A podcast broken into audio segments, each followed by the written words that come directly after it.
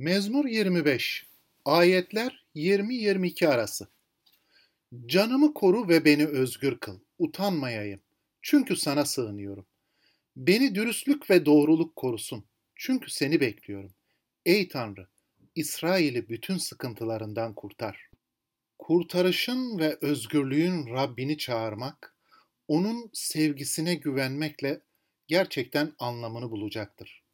Bu yüzden düşmanlardan veya günahtan dolayı içinde bulunduğu durumda bile Rab'den yardım dilemek ancak sevgi dolu bir Tanrı'ya bakabilmekle mümkündür. Mezmur yazarı Tanrı'nın sevgisine güvendiği için utanmayayım diyor. İkinci ayeti hatırlayalım burada. Bu durumda sana sığınıyorum diyen ayeti sana güveniyorum şeklinde de yorumlayabiliriz. Buradaki duada umut kendini belli etmektedir. Çünkü duadaki koru beni sana sığınıyorum şeklindeki yaklaşım kimden ve nasıl sebeplerden kaçtığını açıklamayı da kapsıyor. Bu durumda mezmurcu Tanrı'ya en derin sırrını açan bir kimse olarak burada durmaktadır. Acaba bu durum bizim açımızdan nasıldır? Siz en derin sırrınızı Tanrı'ya açan biri misiniz? Yoksa kendi günah ve hatalarınızı çabuk unutan biri misiniz? Karşılaştığımız tehlikeler, yaşadığımız sıkıntılar yanında hata ve günahlarımız konusunda Tanrı'ya güvenmeyi öğrenmeliyiz. Kutsal yazıların Tanrısı sadece dünyasal koruyucumuz değildir. O bizlerin ruhani yaşamının da güvencesi ve koruyucusudur. Çünkü Tanrı bizleri sözü ve ruhu ile en yüksek ruhsal yaşam için hem yönlendirir hem teşvik eder. Bu burada dualarımız için güçlü bir model vardır. Açık ve gizli şeyleri doğrudan Tanrı ile paylaşmak ve Tanrı'nın sevgisine güvenerek umut ile dua etmek. Bu ayetlerde dikkatimizi çeken yaklaşım bu olmalıdır. Çünkü doğruluk ve dürüstlükten bahsedeceksek böyle bir tutum içinde olmamız gerekir. Ancak Tanrı'ya tam bir yürekle bağlı olmak için istekli bir kimse dürüstlük ve doğruluktan bir ödül bekleyebilir. Bu da kurtuluştur, şifadır, özgürlüktür, günahların affedilmesidir. Diğer yandan mezmurcu eğer kendi doğruluğuna güvenseydi, tapınaktan aklanmamış olarak evine dönen ferisi gibi olacaktı. Luka 18. bölümdeki mesele hatırlarsanız. Çünkü Tanrı adil ve kutsal yargısı ile bir davaya baktığında her iki tarafın bütün günah ve kötülüklerini yargılayacaktı. Bu yüzden bu dua bizlere Mesih merkezli bir dua öğretmektedir. Ancak iman ile Mesih'in doğruluğunu edinmiş bir kimse Tanrı önünde durmaya bu denli cesaret edebilir. Yeşaya kitabında şöyle diyor. Hepimiz murdar olanlara benzedik. Bütün doğru işlerimiz kirli adet bezi gibidir. Yaprak gibi soluyoruz, suçlarımız rüzgar gibi sürükleyip götürüyor bizi.'' Öyleyse Tanrı'ya kendi iyiliğimizi, kendi doğruluğumuzu gösteremeyiz. Gösterebilseydik bile tek bir günahımız Rabbin kutsal ve adil olan yargısında bizi reddetmesi için yeterli olacaktı.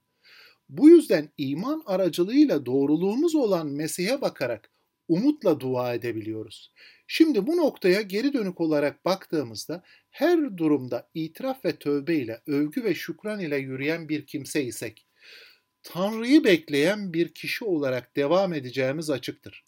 Günah ve kötülük gerçeğine doğru bir şekilde bakarsak her zaman etrafımızda tehlikeler olduğunu görebiliriz. Yaşamı her durumda doğruluğumuz olan Mesih'e bakaraktan devam edersek ayetler boyunca gördüğümüz gibi zor zamanlarda yaşanan zorluklar üzerinde bile umutla Tanrı'ya yaklaşabiliriz ve aynı umutla Tanrı'yı çağırabilme yakınlığı içinde olacağımız da kesindir. Mezmur boyunca dua eden kişinin Tanrı'nın hoşnutluğu olan bir yolda ilerlemek için çaba gösterdiğine dikkat edin. Bu yüzden çözüm Rab'den gelecektir. Çünkü mezmurcu burada çözümü Rab'den aradığını bütün ayetler boyunca bize gösteriyor.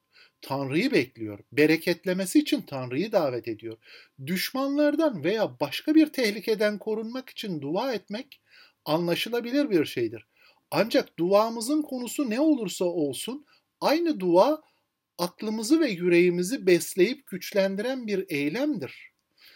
Dua ile vicdanı güçlendiren bir kimse düşmanlardan kurtuluş için dua ederken kişisel adalete güvenme veya intikam alma ayartısından da korunmuş olacaktır. Bizi aşağıya çeken zayıflıklarımızı düşünelim. Bizi düşüren günahlarımızı göz önüne alalım bir an için. Tanrı'nın doğruluğuna sığınma ihtiyacımız bu durumda çok daha belirgindir. Düşmanlar mezmurcunun canını alabilirler. Ancak bizleri sadece Tanrı'nın doğruluğu ve kutsallığı kurtarabilir. Canımızın sonsuz kurtuluş için Rabbin varlığı, vaatleri, Mesih'te mühürlediği müjde tek güvencemizdir.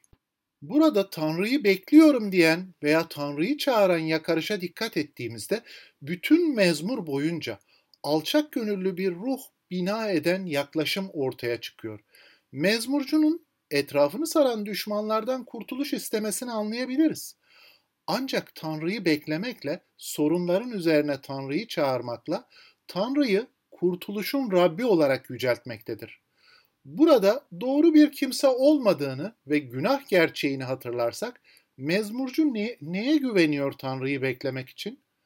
Ancak vaatlerine sadık olan antlaşma tanrısına güvenerekten onu bekleyebilir. Mezmurcunun Tanrı'yı beklemek için kendisinde güvenebileceği bir şey yok. Mesih'in doğruluğuna bakaraktan Tanrı'yı içinde bulunduğu durumda koruyucu ya da kurtaran olarak çağırabilir. Yoksa kendisinde olan bir iyilik ya da erdemden dolayı bunu yapamayacağı bellidir. Böyle bir umut ve güven içinde adaleti bekleyen kimseler olarak dua ederken daha alçak gönüllü bir yaşam için de dua etmeyi unutmayalım. Yaşadığımız haksızlıklar konusunda dürüstlük ve doğruluk ihtiyacı içinde Tanrı'ya bakıyoruz çünkü. Kutsallık ve paklıkta daha gayretli olmak için o zaman dua etmeyi unutmayalım. Pak bir yüreğimiz ve Tanrı'yı hoşnut eden örnek bir yaşamımız olsun diye dua edelim öncelikle. Düşmanlardan kurtuluş ya da kederden, sıkıntıdan, baskıdan kurtuluş için dua etmemiz evet mümkündür. Bunu yapıyoruz. Bu anlaşılır bir şeydir. Ancak her zaman duamızda dürüstlük ve doğruluk hakkında konuşan kimselere yaraşır bir yaşamımız olsun diye dua etmeliyiz. Dürüstlük ve doğruluk hakkında konuşan kişilere yaraşır bir şekilde teşvik dolu bir yaşam olsun ve bu yaşamla başkalarını da bina edebilelim diye dua etmeliyiz. Kişisel bir dua ile başlayan mezmur bu son ayette ulusal bir yakarış görüntüsüne bürünüyor. Burada şunu görüyoruz.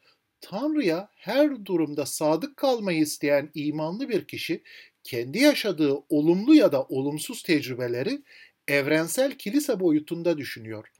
Zorluklar karşısında yaptığı yakarışında ve kurtuluş dileğinde bütün diğer iman kardeşlerini de düşünüyor. Çünkü kurtuluş bizlerin tek başına tadacağı bir şey değildir. Kilise ailesi olarak yaşayacağımız bir şeydir kurtuluş. İman açıklamasının azizlerin paydaşlığı ya da kutsalların birliği ifadesini düşünün. Göksel bir müjde herkesin kendi rahatlığı, kendi kazancı için dua ettiği bencil bir yaklaşım ya da öğretiş getirebilir mi? Asla. Örneğin kutsal kitap nasıl oruç tutmayı öğretiyor? İşaya kitabından 58. bölümü hatırlayın. Orada şunu söylüyor oruç için. İşçilerinizi sıkıştırmayın. Yani komşunuzu yani insanı sevin diye öğretiyor. Kavga ve çekişmeden uzak durun diyor dördüncü ayette. Başkaları için suçlayıcı olmayın diyor dokuzuncu ayette. Kötülüğü bırakın, ezilmiş olana özgürlük sağlayın diyor altıncı ayette. Ekmeğinizi başkalarıyla paylaşın diyor yedinci ayette. Dikkat edin burada oruç tutan kişinin başka insanları yani toplumu gözetmesi belli oluyor ya da bu konu ediliyor. Benzer şekilde İncil'de sadık imanlıların nasıl ondalık getirdiklerini hatırlayın. Herkes bir diğerini gözeterek öyle dua ediyordu. Yani eski ahitte olduğu gibi yeni ahit boyunca da başkalarını gözeten iman söz konusudur. Bu yüzden mezmur boyunca konuşan Mesih kişisinde kendimiz ve başkaları için doğru bir şekilde dua etmeyi öğreniyoruz. Şimdi Mesih'in yeryüzündeki hizmetini, öğretiş, mucizeler, öğrenci yetiştirme, bunları tekrar gözden geçirip hatırlarsak İmanın bu yaratılışı yenileyen boyutu gözümüze çarpmaktadır. Hastaları iyileştirmek, muhtaç kimselerle ilgilenmek, kendinde olanı paylaşmak gibi aslında bunlar toplumu yenileyen hizmetlerdir. Krallığın geldiğinin ve krallığın Mesih'te var olduğunun görünür kanıtlarıdır. Böylece bizler de Mesih imanında devam eden kimseler olaraktan dünyayı yenilemek yani tuz ve ışık olmak üzere bir e, hizmetimiz olduğunu, duamızın da bu hizmete yaraşır olması gerektiğini öğreniyoruz buradaki mezmurcunun dua ve tutumundan. Yani samimi iman sahibi bir kimse dua ederken sadece kendi yaşadığı duruma bakmaz. Mesih öğrencisi kendi ihtiyaçlarına veya kendi çıkarına doğrudan odaklanmaz. Sadık imanlılar ruhsal savaşın yerin bütün uçlarındaki Tanrı halkı için bir gerçek olduğunu bilir ve buna göre dua eder. Bu noktada Mesih'in çölde denenmesi ayetlerini hatırlamak yerinde olacaktır. Buradaki savaş bütün iman ailesinin zaferi içindir. Benzer şekilde mezmurcu kurtuluş, korunma, bağışlanma, günahların affı, yaşam bereketi için dua ederken en sonunda diyor ki Ey Tanrı kurtar İsrail'i bütün sıkıntılarından. Duasını böyle bitiriyor. Neden? Çünkü kişisel bütün yakarışlarının aynı zamanda Tanrı'nın ev halkından tanıdığı veya tanımadığı diğerlerinin de ihtiyacı olduğunu görüyor ve öyle dua ediyor. Ya da diğer bir açıdan şöyle ifade edelim. Burada dua eden kişi Tanrı'nın ev halkından biri olduğu için ruhsal savaşı iyi anlamış biri olaraktan dua ediyor. 106. mezmuru hatırlayın. Orada dua eden kişi diyor ki seçtiklerinin gönencini göreyim. Senin ulusunun ya Rab diyor sevincini, halkının kıvancını paylaşayım. 14. mezmuru hatırlayın. Keşke İsrail'in kurtuluşu Siyon'dan gelse, Rab halkını eski gönencine kavuşturunca Yakup soyu sevinecek, İsrail halkı coşacak. Burada dua eden kişi kendi kurtuluşu, zaferi, esenliği için değil ama kendisiyle aynı imanda bulunan diğerler için yani bütün kilise halkı için, kilise ailesi için diliyor aynı zamanda.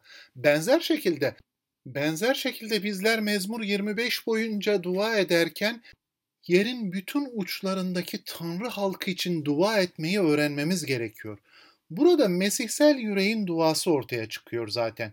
Mesih nasıl ki kendi yararını gözetmiyorsa, kendi halkını korumak için, bütün dünyanın kurtuluşu için müjdeyi duyurup mucizeler yaptıysa, öğrenci yetiştirdiyse, yani Mesih kendi hakkını korumak için çalışmadıysa, mezmurcunun buradaki yakarışı bütün Tanrı halkının ihtiyaçları olduğunu gösteriyor. Mezmurcu bireysel bir yakarış yapıyor ancak içinde bulunduğu sıkıntı veya ruhsal savaş veya mücadelede Tanrı halkının da benzer ihtiyaçları ve Tanrı'dan benzer beklentileri olduğunu görerek dua ediyor ve en sonunda kendisi için dilediği bütün bereketleri, iyilikleri, kurtarışı bütün Tanrı halkı için diliyor. Böylece kişisel dileklerimiz için Tanrı'ya yaklaştığımızda yerin bütün uçlarındaki Tanrı halkının bu dünyadaki bütün sıkıntılardan kurtuluşunun sadece Tanrı'nın yüce lütfunda mümkün olduğunu görerek dua edelim. Günahtan yani düşmandan kurtuluşun kendi bilgeliğimiz veya gücümüzle mümkün olmadığını bazen unutabiliriz. Yönetimler, dünyasal sistemler, bazı felsefelerin savunucuları size veya inanışınıza karşı düşmanca yaklaşabilirler. Ancak şunu unutmayın ki esas düşman günahın kendisidir. Bu yüzden ruhsal bir savaş içinde olduğunuzu asla unutmayın. Günahla mücadele ederken insanla savaşır duruma düşmeyin. Mezmurcunun sözleriyle birlikte dua edelim. Ya Rab, koru canımı, kurtar beni. Hayal kırıklığına uğratma çünkü sana sığınıyorum. Dürüstlük, doğruluk korusun beni. Haleluya, umudum sendedir. Ey Tanrı, kurtar İsrail'i bütün sıkıntılarından. Sevgine göre anımsa beni. Çünkü sen iyisin ya Rab. Amin.